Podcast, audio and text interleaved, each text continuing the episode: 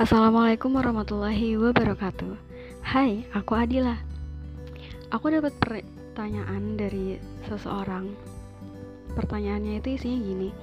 Ekonomi Islam adalah ilmu ekonomi yang mempelajari ilmu ekonomi orang-orang Islam atau negara-negara yang mayoritas penduduk muslim.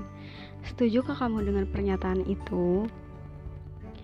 Menurut aku pribadi, Aku setuju dengan pendapat tersebut dikarenakan ekonomi Islam berlandaskan Al-Quran dan As-Sunnah Di mana menurut kita sebagai orang muslim hal itu nggak mungkin salah Landasannya itu nggak mungkin salah.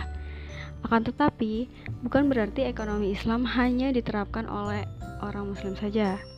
Ekonomi Islam tentu saja harus dipelajari oleh semua orang dikarenakan manfaatnya yang sangat banyak sekali Karakteristik dan nilai dasar dari ekonomi Islam itu sendiri bisa menjadi solusi dari permasalahan ekonomi yang terjadi saat ini. Itu pendapat aku ya. Kalau pendapat kamu gimana? Yuk tulis.